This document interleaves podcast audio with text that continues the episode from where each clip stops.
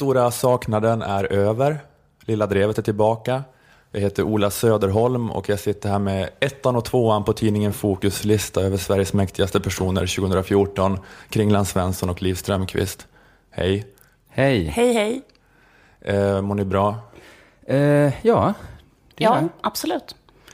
Vi säger det i alla fall. ja. Jag har hört att man ska svara det varje gång, varje gång någon frågar. Det är ju lite gymnasialt att inte svara ja.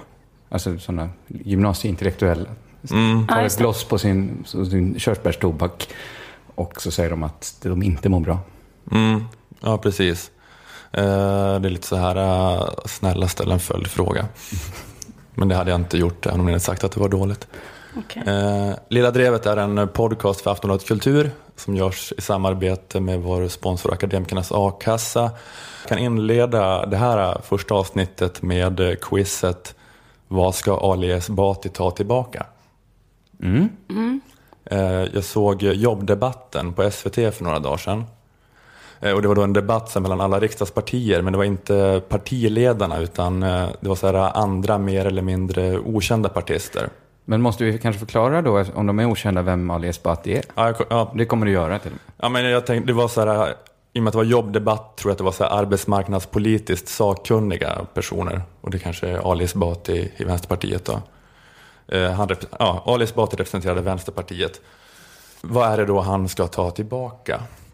Ta tillbaka det. Ta det du är- tillbaka det här- det, Ali Esbati? Nej, detta, detta är... Ta Detta, tillbaka detta det! Vem ska ja. ta tillbaka det? Eh, först en eh, centerpartist och sen Ann Lundberg, Programledaren, som hakar på. Ja, men hon vill nog bara ha förtydligande. Ska du ta tillbaka det här? Mhm. Men vad är det han ska ta tillbaka? Vad är det för sjuk grej Ali Esbati har sagt? Ja, jag, vet, så jag säger inget för att inte sabba Ah, okej. ditt, jag, skulle, eh, jag skulle göra ett quiz. Det skulle ett, vara ett, ett, quiz. kryss Det- två. Jaha, okej, okej. Ja, men gör det. Då, kommer För jag vet då inte. kanske jag liksom har bröstat upp mig här. Har han sagt ett, Kuba är en perfekt demokrati? Eller kryss, Kiruna-svenskarna var reformister som fick vad de förtjänade? Eller har han sagt två, vi ska inte bara acceptera att de stora inkomstklyftorna er regering har skapat leder till att fler skaffar sig tjänstefolk? Allt det här har han ju sagt full. Men, eh, men bara en av de här sakerna säger han offentligt. Och det är väl nummer tre? Ja, precis. Eller två, jag körde den här ett, Ja, kryss två, två just det, Mm. Att han kallar hederligt arbetande svenskar för tjänstejon. Ja, det är det de blir arga att man måste ta tillbaka, han måste ta tillbaka det. Att vi inte bara ska acceptera att de stora inkomstklyftorna som har blivit fallet med er regering ska leda till att det är fler som skaffar sig tjänstefolk. Utan det vi ska göra dessutom är att med statliga pengar subventionera Visa lite respekt för de här människorna, Ali Esbati. Det här Vad är människor som har... gör? Precis. Så jag, jag fick en poäng där. Du fick en poäng. Det är, skulle du säga, eller? Ja, nej, men jag vet inte. Jag bara tänkte att i och med att det var Ann Lundberg så fick jag bara käns- trodde bara att det handlade om antikviteter. Att det var så här, ta tillbaka det. Att det handlade om en sån uh, urna som han hade tänkt lägga ut på Ebay. Men de, det var, Men det var... mer lönsamt att behålla den i släkten. Den var inte värd mer än 50 spänn. Nej, just det. Eller något. Ja, ja, men det som var tydligt här var ju att de borgerliga politikerna tycker att eh, ordet uh, tjänstefolk är liksom att jämställa med så ett rasistiskt eller sexistiskt uh, tillmäle. Att Ali sa tjänstefolk, han sa TJ-ordet, han sa ske-ljudet. Ja, det gjorde Ja, han. just det. Mm. Men det, men det är så här bra sätt att då neutralisera vänsterns retorik. Att om vänstern så att säga att det finns ett, en respektlöshet i att människor som har råd ska få skattesubventioner för att slippa plocka upp sin egen skit. Då kontra högern med att det respektlösa ligger i att lägga en värdering i det. Eh, Att på något sätt så säga att det skulle vara bättre att slippa städa själv jämfört med att städa upp efter andra. Så problemet är liksom inte så att ha tjänstefolk, problemet är att eh, kalla det för det. Just det. Att det är det viktiga, man ska ha respekt i språket, inte så här i det materiella då, eller i, i att kropparna ska vara jämlika. Ali ska inte kalla de tjejer som driver en massa rutföretag ute i Sverige för tjänstefolk. Ta tillbaka det! Träffar dem varje dag. De som gör verkligheten lite drägligare, lite enklare för många äldre. Är det Martin Ja, Luther King vi hör här? Jag träffar dem varje dag i mitt eget hem. Ja, det är därför det är också på liksom, När jag går in på toaletten så ligger de där på golvet och skrubbar. ja, Men precis, oavsett- då, då fick han sån, nej men det han kan ju inte ha någon annan anledning att träffa dem varje dag. Det är ju helt omöjligt. Men oavsett man tycker, vad är det för debila människor som applåderar? Alltså det, även om det, man håller med så var det kanske inte applådvärt. Ja, men han har sånt jävla Ja, patos, är så man det. hör inte ens innehållet i det han säger. Vet du att han är det bästa som har hänt Centerpartiet, den här killen? Han brinner så mycket för att man ska ha respektfulla namn på slitsamma och lågavlönade yrken. Mm. Eh, Ja, det är ju till att nischa sig. Ja. Det kanske är smart. Han, men han har också en så här harang tidigare i debatten efter att de hade visat ett reportage om en invandrad nigerian som utbildats till civilingenjör på KTH men bara fått jobb på McDonalds. Då var det så här att ni får inte se ner på McDonalds, fnys inte åt McDonalds-jobben. Skulle ha klippt ut det istället för att försöka imitera honom. Men Nej. Imitera han som fick jobba på McDonalds. Var han liksom rasande? Han är rasande över att man gör värderingar av arbeten. Alltså att den nigerianen var utbildad på KTH men han, han, han, skulle, han skulle inte ha mage att värdera det högre än att jobba på McDonalds. Nej men exakt, att det, är- det, är liksom, det är där ojämlikheten uppstår liksom i språket bara på något sätt. Mm, mm. Ja, det sprider ju lögnen om att inte alla arbeten var exakt lika attraktiva. Nej just det. Eh, Eh, om, om man inte har ett, ett språk. Men det, är Om det, språket inte tar hänsyn till det, att allas jobb är exakt lika bra och önskvärda att ha. Ja, precis. Men eh, sen så då kan man fundera att det kanske bara är ett eh, fult ord, tjänstefolk. Att använda det om rutstäderskor. Att jag vet inte, att det är ungefär som att kalla Tornedalsfinnar för barbarer. Det är en förlegad så här, xenofobisk lingo. Brukade man kalla dem det? Jag provade att googla på tjänstefolk.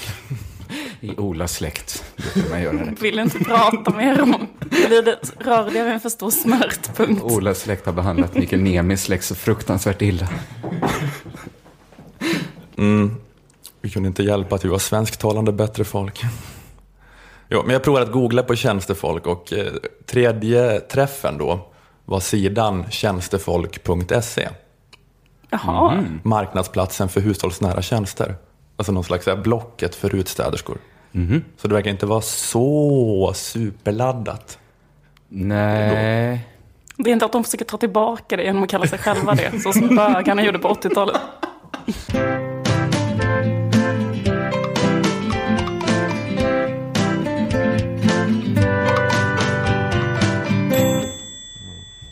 Hur ska vi förbättra resultaten i den svenska skolan? Det är en eh, viktig fråga i årets val. Eh, och under veckan så var det faktiskt, det är faktiskt två partier som har eh, gått ut med att presentera politiska förslag för att lösa det här problemet. Att eh, resultaten i den svenska skolan är så låga. Eh, först ut var Folkpartiet. Och vad är det nu Folkpartiet vill för något? Folkpartiet vill ha betyg i ordning på både högstadiet och gymnasiet.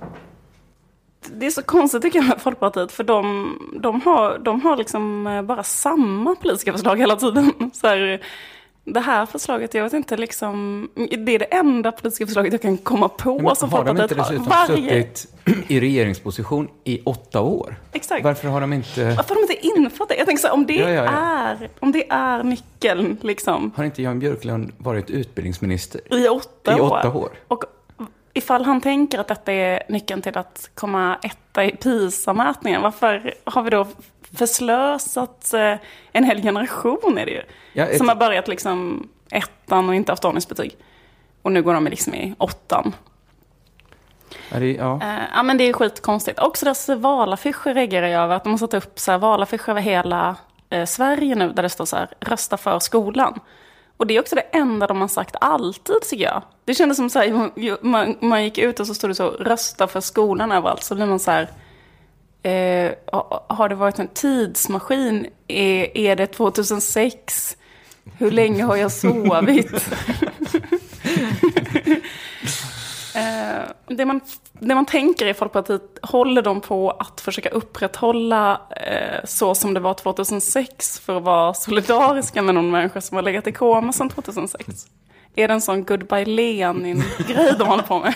Att försöka bevara sig själva för att inte chocka eh, någon väljare? Jag, jag vet inte. Bengt Westerberg Jag gissar. har varit dålig. De, de, Men- har, men- en, de har spelat med Lordi nu. När de, så här, det är deras vallåt. För att ingen ska tro att tiden har gått. De håller på med något sånt. Jag försöker ha en sån Just det. bubb 2006-bubbla. Sean Atzi är på tv hela tiden. Precis. Men skit i det. Sossarna har ju också hittat på en idé Eh, för hur vi ska höja resultaten i den svenska skolan. Eh, och eh, också liksom för att få ett mindre antal elever att hoppa av gymnasiet. För det är också ett problem att man, liksom inte får, om man har så dåliga betyg så man blir inte god, man kan inte ta studenten. Stefan Löfven presenterade det här förslaget under sitt sommartal som han höll i helgen. Och det lät så här. Och därför kommer vi se till att göra det möjligt för den som har klarat gymnasiet att också låna ifrån CSN för att ta sitt körkort. Han lät som en sån, ibland när man sjunger karaoke så börjar man på lite för hög ton. Och så har man liksom det med sig hela tiden. Man vet att snart kommer en höjning och då kommer det inte funka längre. Väldigt ansträngt läge. När han börjar på en mening har han ingen plan för hur han ska ta sig ur den. Snälla, försök att fokusera Vi på politik. vi fokar på det han sa liksom- istället. Alla ska Jag få låna pengar till ett håller på så. körkort. Ja, men precis. Det- är liksom, eh, det är alltså piska kontra morot. Det är som Mm. två olika typer av föräldrar. Folkpartiet är den här lite mer auktoritära föräldern. Eh, sossarna är den här föräldern som mutar barnen för att de ska få bättre betyg. Ta en limpa cigg. Ja, men precis. Eller så här, eh, eh, sån, sån, någon summa som tonåringar tycker mycket. Du får 70 kronor om du får MVG. Men, eh, men det är också en väldigt sunkig muta, måste jag säga. För att eh, ungdomar ska känna större motivation att slutföra gymnasiet. Att så här, det som hägrar i framtiden är ett CSN-lån. Du kan, det är inte det att du får pengar för att ta körkort. Det är så här, vi lägger fram det här frestande lockbetet. Ett lån. Ett lån från inga mindre än CSN. Det är ju en ganska tydligt, eh, tydlig grej liksom. Alltså verkligen en apa förstår ju vad de säger. Ja, det är lite den här Berg och Skåne-grejen som är så tydlig. Man skickar pengar hem till folk. Du får ett körkort. Men jag tycker också att det, ja, men det hade ju varit något. Du får Du ett får körkort ett utan att ta körlektioner. Går du Du- klart gymnasiet så säger vi att du kan köra bil sen. Så tar vi den smällen sen. Det är så konstigt för att det är liksom, eller jag vet inte. Jag tänker att det, det är som när man ska konfirmera sig, att det är så här, föräldrarna är så här, man får en moped. Det är exakt som när man ska konfirmera sig. Och tjejer, killar får en moped och tjejer får så här ett kristet smycke. så är det ju. Killar vill ha mopeder, tjejer vill ha kristna smycken. Det känner vi alla till. Men så får tjejer CSN låna till ett kristet smycke. Var- Så Löfven det då? Killar får CSN-lån till... Tjejerna får bara springa in på guldfynd och ta så mycket de kan plocka på sig på fem minuter. Nej men det är ju bara Så betala killar. tillbaka under 25 år. Varför tog jag så mycket? tog så mycket strassörhängen med olika typer av kristna symboler för hopp. En droppe med en liten, ett litet kors inuti. Nej men, nej men tjejer behöver inte mutas för att de eh, klarar ju redan gymnasiet. På grund av att de försöker kompensera för en sån eh, låg självkänsla via prestation. Låg självkänsla som de har fått på grund av patriarkatet. Alltså det. Så det kanske man hade kunnat eh, ändra på något annat sätt. Så att killar också kände att de behövde prestera för att känna ett värde. Nu känner de ju att det är så jävla lugnt som det är. jag bara ligger här och duger, känner de. det är det som är problemet. Um, skitsamma. Det här låter ju då som två olika politiska förslag, eller hur? En piska och en morot. En vill locka, en vill hota. En vill disciplinera, en vill curla. Men eh, om man kollar närmare på de här eh, förslagen så är de väldigt lika. På det sättet att eh, båda förslagen utgår ifrån samma problemställning. Båda förslagen är ju lösningar på exakt samma problemformulering, nämligen den här problemformuleringen. En viktig orsak till att eh, Sverige har sjunkit i kunskapsresultat är att det är stök och bråk och sena ankomster i skolan. Och eh, alltså att eh, de låga kunskapsresultaten löses genom olika åtgärder som eleverna själva kan göra eller påverka. Båda eh, liksom, lösningarna utgår ifrån att, att det inte är liksom, en, eh, en politisk åtgärd som, som kan lösa problemen i svenska skolan. Det är elever som ska skärpa sig, Ja. antingen genom att få en belöning sen Mm. eller genom att få piska. Jag menar bara att jag tänker att det hade varit bättre om sossarna hade varit mer i opposition mot själva problemformuleringen. På, genom att till exempel ge Jan Björklund större ansvar för varför eh, resultaten i svenska skolan har sjunkit så mycket. Därför tänker jag att de kunde till exempel föreslå, om Jan Björklund kan höja skolresultaten, då kanske han kan få eh, en morot. Då, då kan de lägga fram ett förslag att då får han eh, låna pengar till att ta, tänker att han har säkert redan B-körkort, men han ska kunna då kanske få ta C-körkort, uppfylla någon dröm om att eh, köra tung lastbil. Eh, och det skulle man kunna eh, lägga upp på bordet nu, som en morot Ja, men det är för att höja motivationen. Ja, men nu landar det i mig. Jag tycker det, det var väl sagt, Liv. Ja, men det är faktiskt konstigt att båda har som idé att, att, om så här, att ansvaret för skolan är dålig. Det vilar liksom på ett gäng 15-åringar som inte får rösta. De har liksom ensamma sett till att svenska skolan är i kris. Jag, Eller kunde han fått kristet så mycket från guldfynd? Om han vill ha det hellre. En fullständiga gymnasiebetyg. Nej, men är Jan Björklund, Ja, än om han vill ha... han vill ha en lite grövre, inte sån grövre halslänk som Ja, killar gillar. Precis. Som en stor tumring fast för halsen bara. En sån, en sån specialgjuten halsring Mm. av silver. Ja, fyra och ett halvt kilo. Med ett vackert mönster på. Om han får Sverige att klättra upp i PISA-mätningen så kan han få. Ja,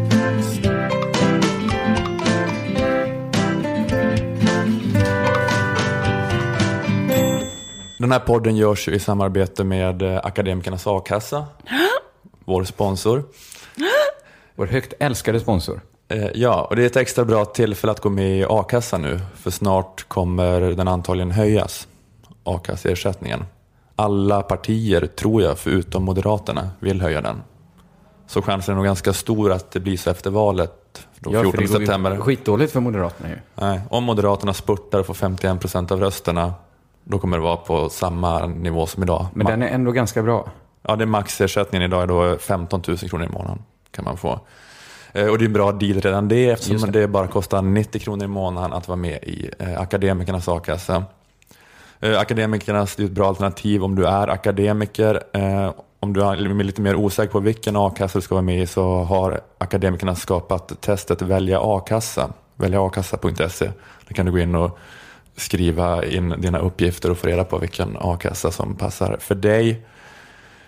Gå med i a-kassan och berätta i sociala medier under hashtag lilla drevet som ett ord ifall du liksom har fått upp ögonen för a-kassan från vår podd. Så, Det är ju snällt mot oss att göra det. mm, Och det är snällt mot andra att vara med i a-kassan eftersom det är en solidaritetsgärning. mm, precis. Eh, så du kan eh, också skriva din ansökan liksom, ifall, till akademikernas ifall du fick upp eh, ögonen för akademikernas a-kassa via lilla drevet. Som sagt, solidariskt mot alla arbetare i det här landet och mot poddpersonerna i Lilla Drevet.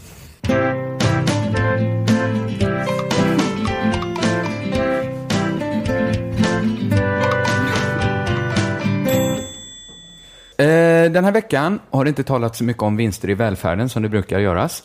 Eh, Och jag tror att det beror på att det är valtider. Det är dumt av politiker att prata om vinster i, välfärden i, valti- eh, vinster i välfärden i valtider eftersom de flesta politiker, till skillnad från de flesta väljare, vill ha vinster i välfärden. Ja, just det. Så man, man får tona ner det snacket lite.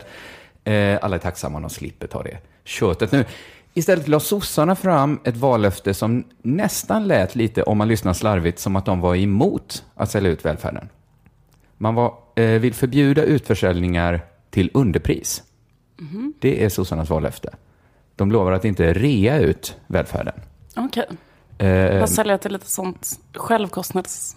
Eller mer rimligt det är pris, tänker jag. pris. Precis. Eh, man vill till och med ha en lag, lex Serafen. Mm. Här ringer det klockor, va? Eh, ni minns vårdcentralen Serafen som såldes 2007 till ett glatt gäng läkare för 700 000 kronor. Och sen sålde samma gäng Serafen för 20 miljoner. Där har vi pratat om. Men det här, ja precis. Men det där är då den extrema varianten av det här avknoppningarna i Stockholms kommun och landsting som höll på. Att Precis. de, eh, det- handlade om, tror jag att de fattar inte att värdet på liksom en, till exempel en vårdcentral eller ett äldreboende består i liksom brukarna där, eller patienterna. Man får så peng, skattepengar för varje person som går dit. De Så att de bara vad varje tegelsten var värd. Ja, precis. De sålde det bara för inventariernas värde eller någonting. Och det är ju så här väldigt fascinerande att tänka på att det här har hänt. Hur, hur kan man inte kunna rä- räkna med det? Hur kan man räkna det hålla så på, fel? Hur kan det hålla på i flera år att man säljer iväg saker för hundratals miljoner? Man räknar alltså fel på över 19 miljoner och en vårdcentral. Det är som För den var ju vår här, gemensamma innan. eh, hur mycket är Cirkus Cirkör värt och sen sälja det för vad det tältet skulle kosta. Ett sånt andrahandstält. Och inte ha med den där 2500 killen som kan gå in i med boll. Han, han skulle inte... Hans boll får komma med. eh, Värdet han kan generera är... Ja men exakt. Ja. Men det, det går nästan inte, det är ju verkligen att sparka in en öppen dörr och säga att det är, är sjukt. Men det är ändå så här, att tänka på det, liksom Moderaterna i Stockholms kommun och Stockholms landsting, att hur kunde de inte tänka på det här under så många år? Ja, men nu kommer du sova gott Men om är det inte nätterna, för att de Ola. bara... El... Nej förlåt. För detta kommer få ta slut nu. Mm, Eh, inte utförsäljningar då, utan rean tar slut nu. Rean, Ja, men, alltså, men Moderaterna kom på det tror jag efter ett tag. Men eh, sen fortsatte de ändå försöka då avknoppa till lite mer rimliga pris. Eh, Alltså Moderaterna vill ju inte hålla på med avknoppning längre, eftersom det var ju ingen vinstmaskin. Så därför är ju det här mm, förslaget lite obsolet, kan man säga. Vad betyder det? Eh, lite det är förlegat. Eh, det ska inte finnas några specialrabatter eh, för rikskapitalister som vill köpa förskolor nu, säger sossarna ändå. Eh, där drämmer arbetarpartiet näven i bordet. August Precis, men- Palm hade varit stolt över de här. Att inte tillåta rea i välfärden.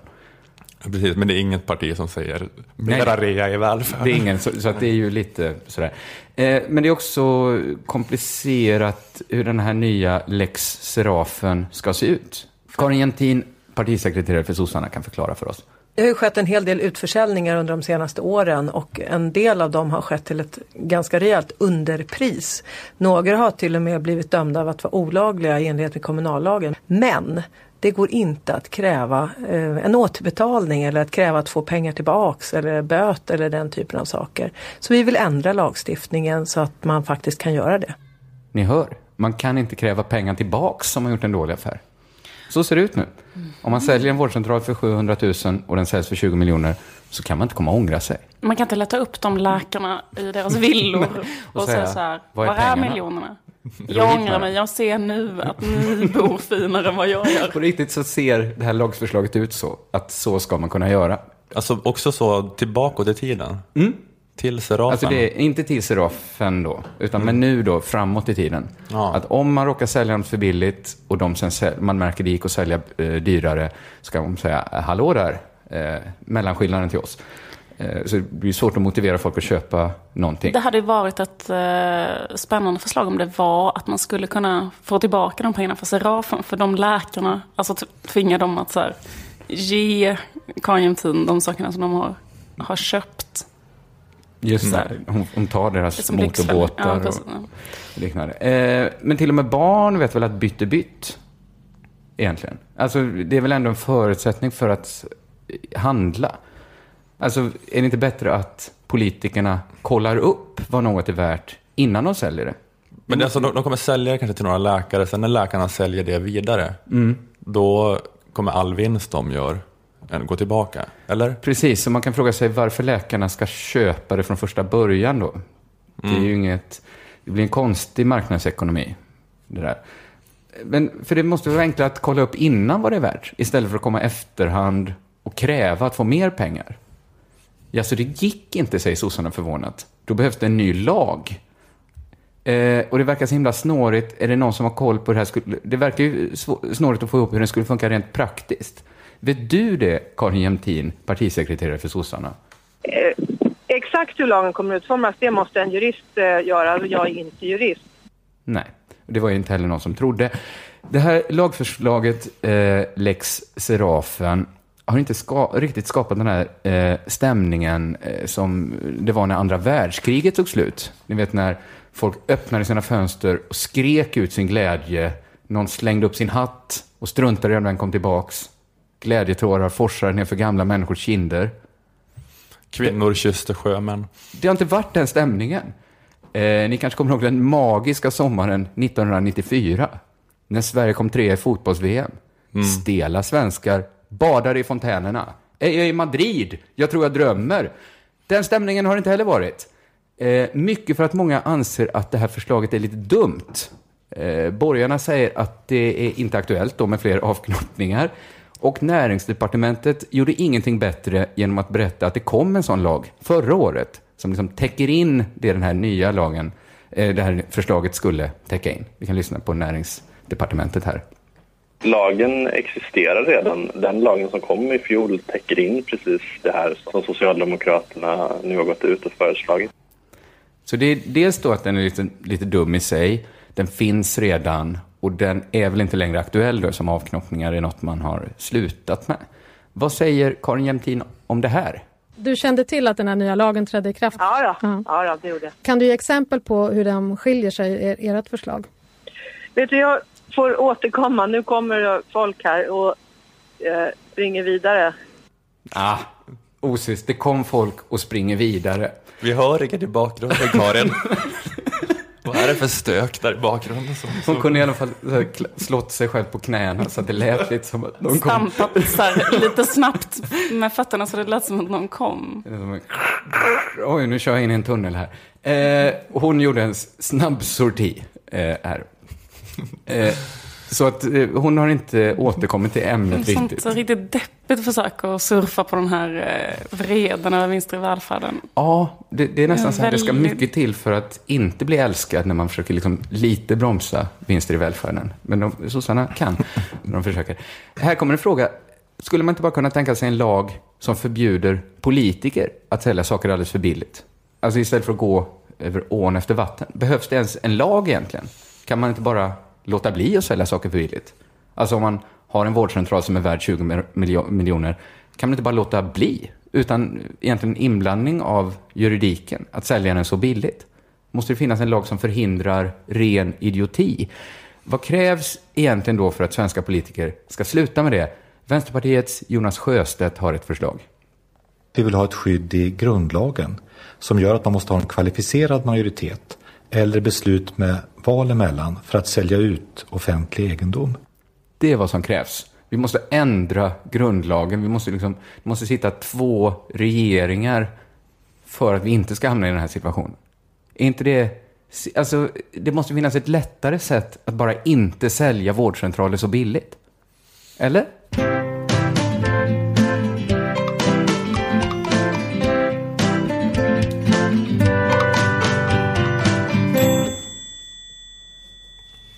Jag tänkte prata lite om Israel-Palestina-konflikten. Yes. Det är en, det är en svår grej att sitta och tänka högt om. Mm. Det är inte så att en så öppen diskussion där man testar olika ståndpunkter och säger å ena sidan och å andra sidan uppmuntras av folk som är engagerade i den här konflikten. Nej. Utan så alla diskussioner känns lite grann som att man precis har sagt till Joe Pesci i Maffiabröder att han är rolig. Jag har inte... Det den st- stämningen väldigt snabbt. Ja, men det där uh, How am I funny? You think I'm Ja, funny? Känner till det. den scenen. Mm. Det finns bara ömma tår. Det går inte att trippa runt dem. Jag tänkte att på ett sätt är det lite onödigt. Att man borde kanske kunna ha ett fritt samtal om det i Sverige. Alltså för inget Mhm. något någon säger om den här konflikten här spelar ju någon roll. Så här Benjamin Netanyahu och Mahmoud Abbas och vilka det nu är. Det är inte som att de kollar inte svenska Twitter varje morgon. Nej, just det. För att se om De blir inte... någon har menar att fått dina, ett dina genombrott. tweets har ingen liksom, direkt verkan i konflikten? Nej, precis. Men uh, om jag twittrar ut något lite halvslarvigt så är det som att jag med mina egna händer har liksom dräpt ett barn Det på var det Stefan Gazaremsan. Löfven var med om. Det var väl väldigt överraskande när han för första gången sa någonting så valde han den bikupan. Alltså det har varit liksom svårt att få honom att säga så här, vilken är din favoritfärg? Eh, men däremot ta ställning i Israel-Palestina-frågan var inga problem. Men inside infon är väl att eh, hans, eh, människan som brukar skriva hans Facebook-uppdateringar hade tagit semester och Mm, det var mitt i so sommaren. det så. var mitt i sommaren. Så att för första gången skrev han sin egen... skrev istället. Så att eh, då blir det så. Ja, men det är spännande att han för första gången gjorde sin egen Facebook-uppdatering. Han har massa åsikter. Då Mm. visade det sig att han var en åsiktsmaskin. Nej, men fan. Nej, Men han försökte väl, han, det han försökte göra där var väl att eh, skriva så här. Jag följer ju Madonna på Instagram. Hon kämpar också väldigt hårt med att försöka vara opartisk i Israel-Palestina-konflikten. För att hon har ju skrivit någonting och då blir det också en sån jävla bikupa direkt. För att hon Mm. kanske säger så här, both sides, hon kanske skriver på sin mage, both sides cease fire. Och kanske folk blir jättearga, bara, men det är ju en sida som är lite mer fire, bla bla bla, kanske någon är Mm. jättearg. Mm. Nu har hon löst problemet genom att ta två svin, sexiga killar och måla en sån eh, eh, liksom Israel-flagga på den ena och en Palestina-flagga på den andra, så nakna kropp. Och tar jättemånga foton där hon själv står mellan dem, tar på bådas kukar samtidigt. Jag hoppas Stefan Löfven lyssnar nu. Det är så man måste närma sig väl, eh, ett Israel-Palestina-program. Jag tycker hon kan vara en förebild. Men det var väl i och för sig det Stefan Löfven gjorde på sitt sätt Jo. i sin Facebook-uppdatering. Att han liksom eh, hade en sån lite så balanserad, eh, jag vet, han skrev något så här att eh, Israel liksom måste respektera internationell rätt, men de har såklart, man har rätt till självförsvar mot Hamas. Eh, och eh, det var väl inte en så tokig grej att säga egentligen. Det var lite dålig timing för att det kanske precis hade rapporterats om väldigt många civila dödsoffer då efter en israelisk attack. Eh, Jo. Och då liksom... Men, men, men det här är lite faktiskt en del av det jag tänkt att det inte stämmer det här att man borde kunna ha en öppet samtal om det i Sverige. För att eh, i den här Stefan Löfven Facebook-statusen så var det väldigt mycket så här kommentarer sen så här nu saknar jag Hitler, alla judar måste dö, eh, smutsiga, smutsiga judar, ni ska brinna i helvetet. Eh, otroligt många sådana kommentarer. Då väljer, valde liksom eh, tidningarna, Aftonbladet till exempel, rubriken kritikstorm mot eh, Stefan Löfven. Mm. Mm. Det, det är ovanligt att tidningar är så modesta liksom, när de sätter rubriker. Ja, men det blir lite grann på grund av den här stämningen som jag tänker att man inte kan prata hur som helst om Israel-Palestina-konflikten. Din fula jude, du är hatad överallt, skäms. Hitler gjorde ett misstag att han inte tog er alla, men inga bekymmer. Vi ordnar det. Sionist, gå tillbaka till gaskammaren där du är hemma medan jag sätter på din lilla syster framför din pappa.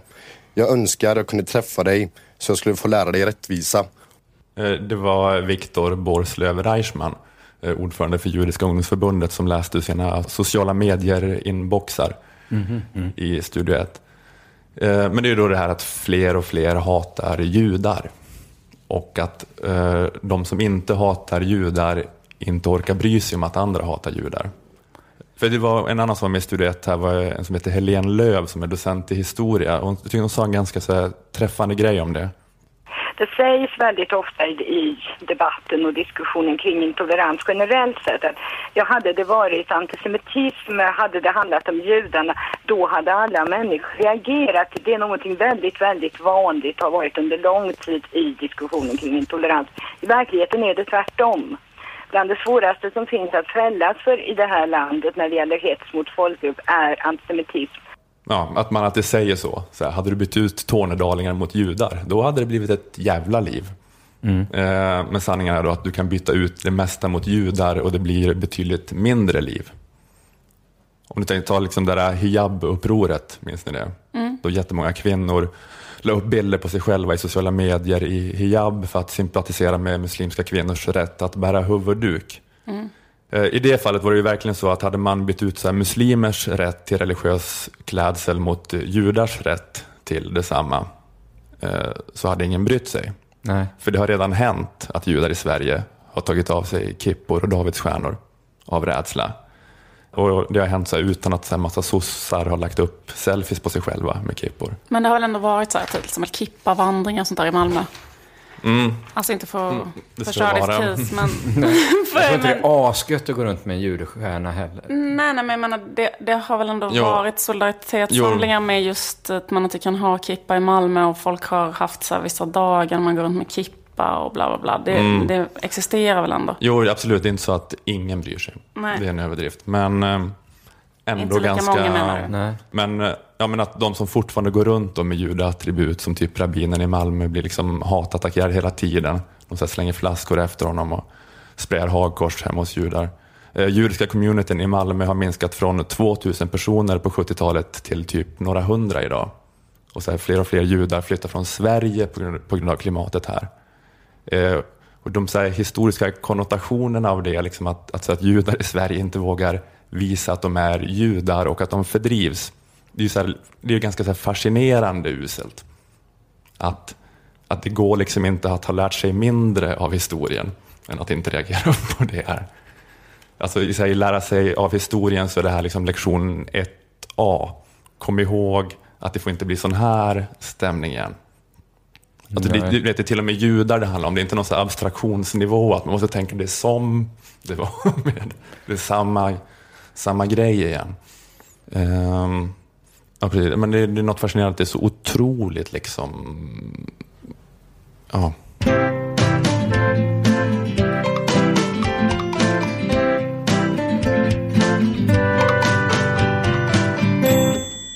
Eh, Metro har en ny artikelserie som handlar om att eh, man ska lära sig att bli mer källkritisk innan man delar saker på nätet.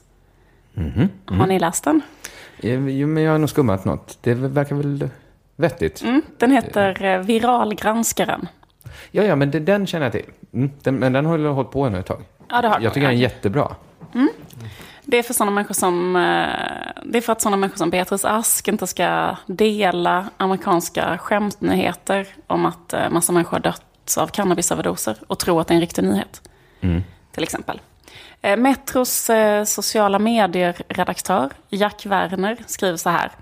Det du delar vi- vidare, bloggar om eller retweetar gör skillnad. I detta har du ett val mellan att vara en ansvarig eller en oansvarig utgivare. Det enda som krävs är att lägga en extra minut på källgranskning och kritiskt tänkande.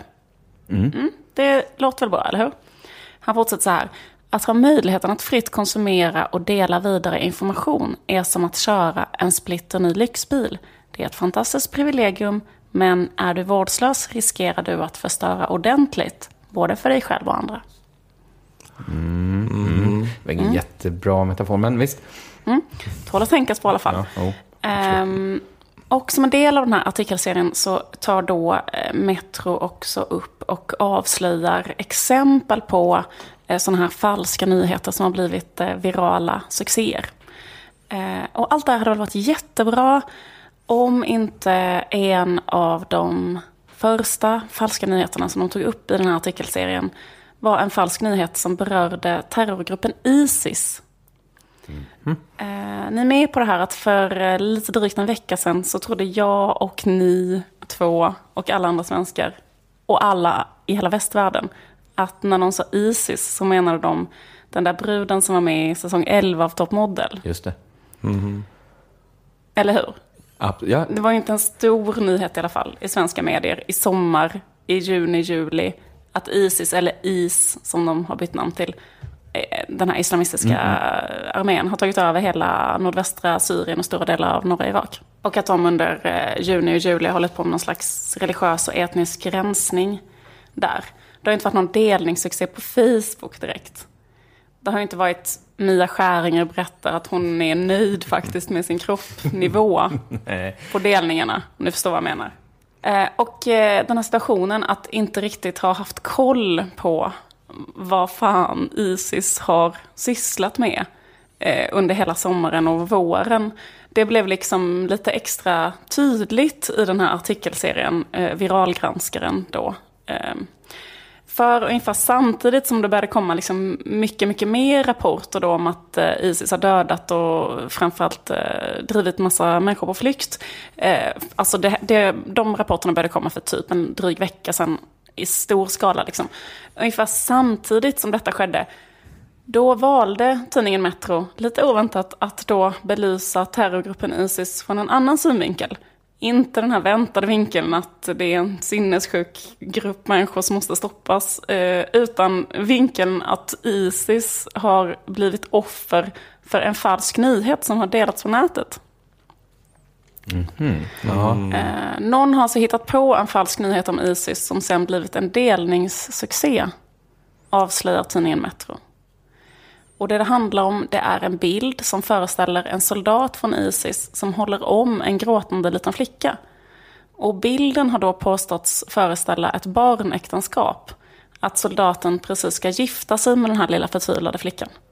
Aha, ja, ja. Eh, Det är såna islamofoba bloggar som har eh, spridit den här bilden. Men som Metros sociala medieredaktör Jack Werner skriver, i själva verket kommer klippet faktiskt från en familjedag som Isis anordnade i den syriska staden Aleppo i juli 2013.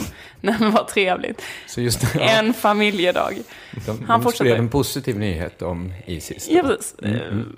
Bland arrangemangen som stod till buds under familjedagen fanns dragkamp, en glassätartävling och en tävling i att läsa koranverser för flickor. Det sinnessjuka är ju att hade den tjejen fått välja så hade hon ju hellre gift sig med någon från Isis än blivit fördriven. Alltså blivit... Alltså det är ju helt sinnessjukt. Det hade varit den bästa nyheten om Isis om det hade varit sant. En tjej slapp dö. Eh, hon fick gifta sig istället. Eh, och då berättar Jack Werner då att det är den eh, sistnämnda aktiviteten, alltså tävlingen i koranverser, som visas i, på den här bilden. Flickan säger fel och börjar gråta och då tröstar den här soldaten henne. Så tänk efter före. Ni delar den här bilden och säger att Isis förespråkar eh, barnäktenskap är kontentan av den här eh, viralgranskarens eh, grej.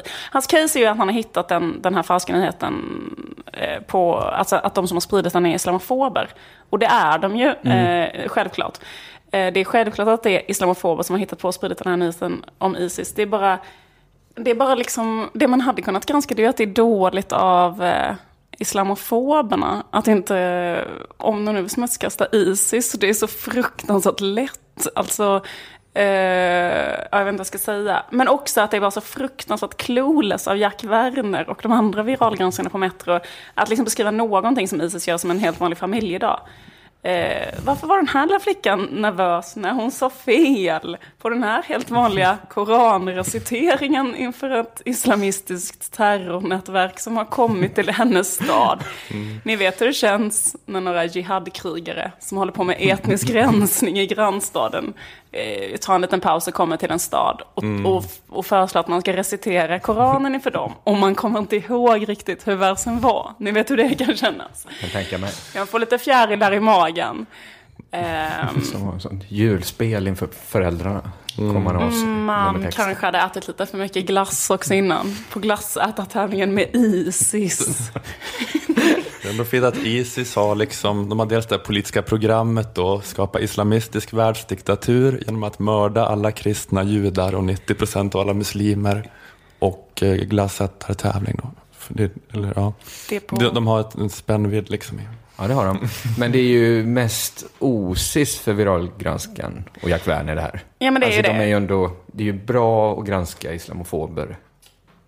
Absolut, Alltså, men det var i grund och ju... botten. Just den här gången blev det inte så lyckat. Nej men absolut, det är jättebra. Men eh, man kanske skulle vilja ge hans eget råd till honom själv. Det enda som krävs är att lägga en extra minut på källgranskning och kritiskt tänkande.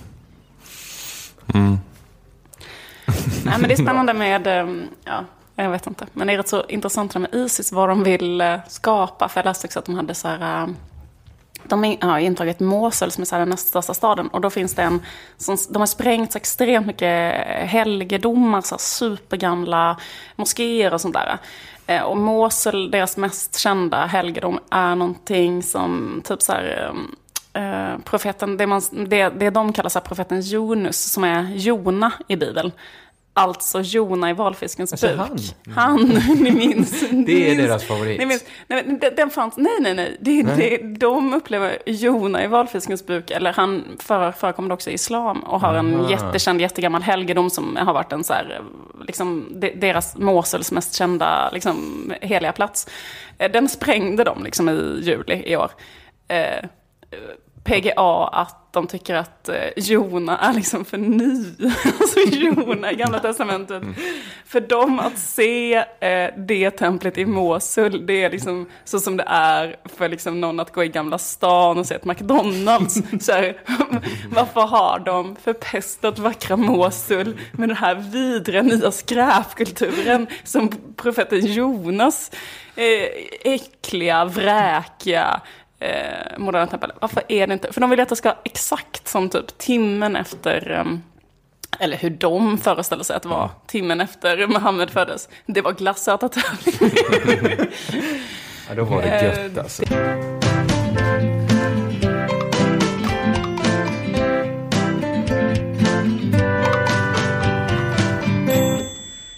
Det var tungt här. Ska vi ta och, och avsluta med något eh, lite lättsammare? Mm. Jag hörde en märklig debatt på radion häromdagen. Det var ekonometri-professorn Per Johansson eh, från Uppsala universitet som gick en rond mot Linnea Bruno, riksdagskandidat för Feministiskt initiativ. Och bakgrunden var en debattartikel som Per Johansson hade skrivit i Svenska Dagbladet med rubriken Feminism är inte lika med jämställdhet. Det var, ja, ni, ni kan tänka er ungefär hur den artikeln såg ut. Det var liksom inte så här, den var inte tokig. Det var liksom så här, ta upp, den ville liksom ta upp ett problem med feminismen som är den ensidiga fokuseringen på kvinnor som underordnad grupp. Eh, det var liksom det. Att, tänk lite på männen också. Det var, liksom, det var kanske inget mellansnack på Way Out West. Eh, men det var ju inte tokigt på det här Sture Bergvall 1988-sättet heller. Det var inte så här... Nej. Men man ska, man ska tänka på de här killarna som behöver en, ett körkort för att orka plugga. Ja, mäns våld mot, våld mot vän, män. Ni, ni, ni kan sjunga med i refrängen. Eh, det var en helt vanlig farbror-åsikt som lades fram. Eh, varken bra, den var som havet och stjärnorna. Den är varken bra eller dålig, den bara finns där. Den, ja, ni vet hur det är. Mm, mm. Eh, men debatten som följde blev... Hatar du kvinnor kring den? Ja, men jag tycker bara att en farbror kan väl vara en åsikt. Ja, ja. Det, alla kan inte vara. Kakan Hermansson. Jag så- Hermansson kan inte vara professor i ekonometri på Uppsala Mm. universitet. Och samtidigt ju, eh, Grund av dreja krukor. Ja. Men vi har fastslagit nu att Kringlan har ett besinningslöst hat mot kvinnor. Vi kan gå Absolut. vidare. Absolut. Eh, debatten som följde blev intressant på grund av Per Johanssons märkliga debattteknik. Han är, ska jag säga, ovanligt öppen med sina kunskapsluckor. Vi kan lyssna på ett par exempel jag klippt ut här. Du utgår från någon nidbild av feministerna och du pratar om dem som ett särintresse och så. Ja, alltså jag kan ju inte feminism sådär, det måste jag väl erkänna. Jag är Men inte... varför skrev du artikeln Va? Du är inne på att det finns eh, alltså, män som inte alls är privilegierade. Alltså, vad handlar det om för frågor då som du tycker att man missar? Uh, Nja, det handlar väl, alltså... Jag förstår inte riktigt. Men du säger andra, vem? Vem är det som ska lyfta de här frågorna? Ja, då? det vet jag inte. Och varför kan man inte koppla det till jämställdhet menar du? Nu förstår jag nog inte frågan. Ni hör. Han är helt öppen med att han inte kan så mycket om feminism. Och det ger ju honom ett sämre utgångsläge i den här debatten. Eftersom den kommer att handla om feminism. Det kan ju bli så när man skrivit en debattartikel om feminism. Att debatten kommer att handla om feminism. Det kunde Mm. han, jo, det kunde han lite räknat med. Hur lösa det problemet? Att vara i det här underläget och att inte kunna någonting. Ja, men det är att vara oerhört blygsam. Ge sin debattmotståndare så mycket rätt att hon inte vet hur hon ska kunna svara.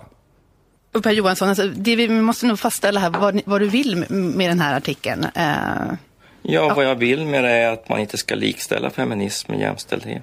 Jag tycker inte feministerna gör något fel, jag inte alls. Artikeln är inte en kritik mot feminism. Jag kritiserar inte feminism i artikeln. Jag ger credit till feminism. Det är ingen kritik mot, mot feminism, det, det, det, det tycker inte jag. Alltså, när jag skrev den här artikeln så varnade alla mig för att göra det. Gör inte det, för det här är så laddat. Eh, och jag börjar känna det att jag ska inte gå in som, som man och diskutera de här frågorna. Han backar lite tycker jag. Eller tycker ni inte han backar lite här? Han kanske, ja men alltså det kanske är en debatteknik den där grejen att så här, eh, att, det, att det är svårt att angripa någon som är så, eh, erkänner så mycket att den är, ja. Mm, jo, ja, man det- gör sig själv liksom lite gullig på något sätt. Ja, nu, det blev ju fast, nästan... fast det leder ju inte till att man vinner debatten heller. Nej, det att gör man det inte. Men man älska får min liv. kvinna efter programmet. Vad sa du? Kanske leder till att man får älska min kvinna efter programmet. Det tror, jag- det tror jag inte alls. Jag, tror att det hade varit större chans om man stått på sig. Varit lite, nu kom han ju ut som en sittkissare här i debatten. Man trodde ju att han var en riktig karl Ja, innan, man. när han hade skrivit debattartikeln. Innan han gick ut och sa att han aldrig borde ha skrivit den. Han borde ha lyssnat på alla som sa du som kan så lite om feminism, ska du verkligen ge dig, ska du verkligen debattera med en riksdagskandidat från Fi? Eh, han kanske skulle ha lyssnat på det. Eh, det blir ju väldigt svårt för Linnea Bruno då, för att det är ju ändå, okej, det är svårt att vinna. Det kanske blir lika och det tror jag inte hon känner är riktigt rätt. Hon borde ju plocka en sån här sparris. Eh, och det, framförallt eftersom Per Johansson upptar så mycket tid av debatten med sina ursäkter och, och tillbaka. Alltså det finns liksom ingen, ingen tid för Linnea Bruno att säga någonting. Så hennes uppgift blir till slut att stötta Per. Eftersom han är så ångerfylld. Vi kan lyssna. Eh, Om jag Ja. får komma in så Mm. tycker Mm. jag att jag tycker ändå att det var bra. Att Ja, du bra. det. Det var bra att du skrev den här artikeln. Och han blir... Nu var jag tvungen att klippa där hårt för att det, det, de kom in på massa annat som inte hade så mycket med saken att göra. Men, men han blir så himla glad för att hon säger alltså, att det var bra att du skrev den. Man vet inte riktigt varför det var så himla bra. Men, men det, jag har aldrig varit med om någon liknande debatt där, där en får trösta den andra. Och säga så här, du duger. Dina åsikter, de är inte bra, men du ska väl få ha dem? Och den andra bara, det är inte ens mina åsikter. Jag, Jag ger hade credit till fel. feminismen. Äh, feminismen, det... Vad är det ens? Vi kommer säkert inte ens komma in i, i, i riksdagen. Eh, det blev den stämningen. Eh, så Exakt, vem bryr sig? Lena Bruno kom ut som, som feminismens eh, största fiende. Nej, men det, det var lite trams här mot slutet. Men jag tyckte det var, jag har aldrig hört något liknande. Nej, jag förstår. Intressant. Det är det- som du skruvar den här Torbjörn Fälldin-taktiken tre varv till. Att han i så debatten mot Olof Palme började prata långsammare och prata mera så här lite Norrländskt bonnigt. som en utvecklingsstörd. Ja, för att, för, att, för, att, för att det äggade Palme. Så att Ja. Palme blev mera och mera arrogant och överpeppad. Man kanske ska ge väldigt mycket cred till Linnea Bruno som inte trampar i den fällan. Att, här, att behandla Per Johansson som en idiot. Ja, just Det verkar spännande också att jag kan tänka om jag skulle skriva, mm, man blir intresserad själv av att skriva en bara jättekänslofylld debattartikel om trigoekonomi eller vad det nu hette. Va- Varför finns den här disciplinen? Jag känner, inte, känner inget när jag hör ordet. Och så vidare. Och sen blir inbjuden till en debatt, ångra mig. Mm. Det är spännande. Ja, då skulle han få smaka på sin egen beska medicin, denna Per Johansson.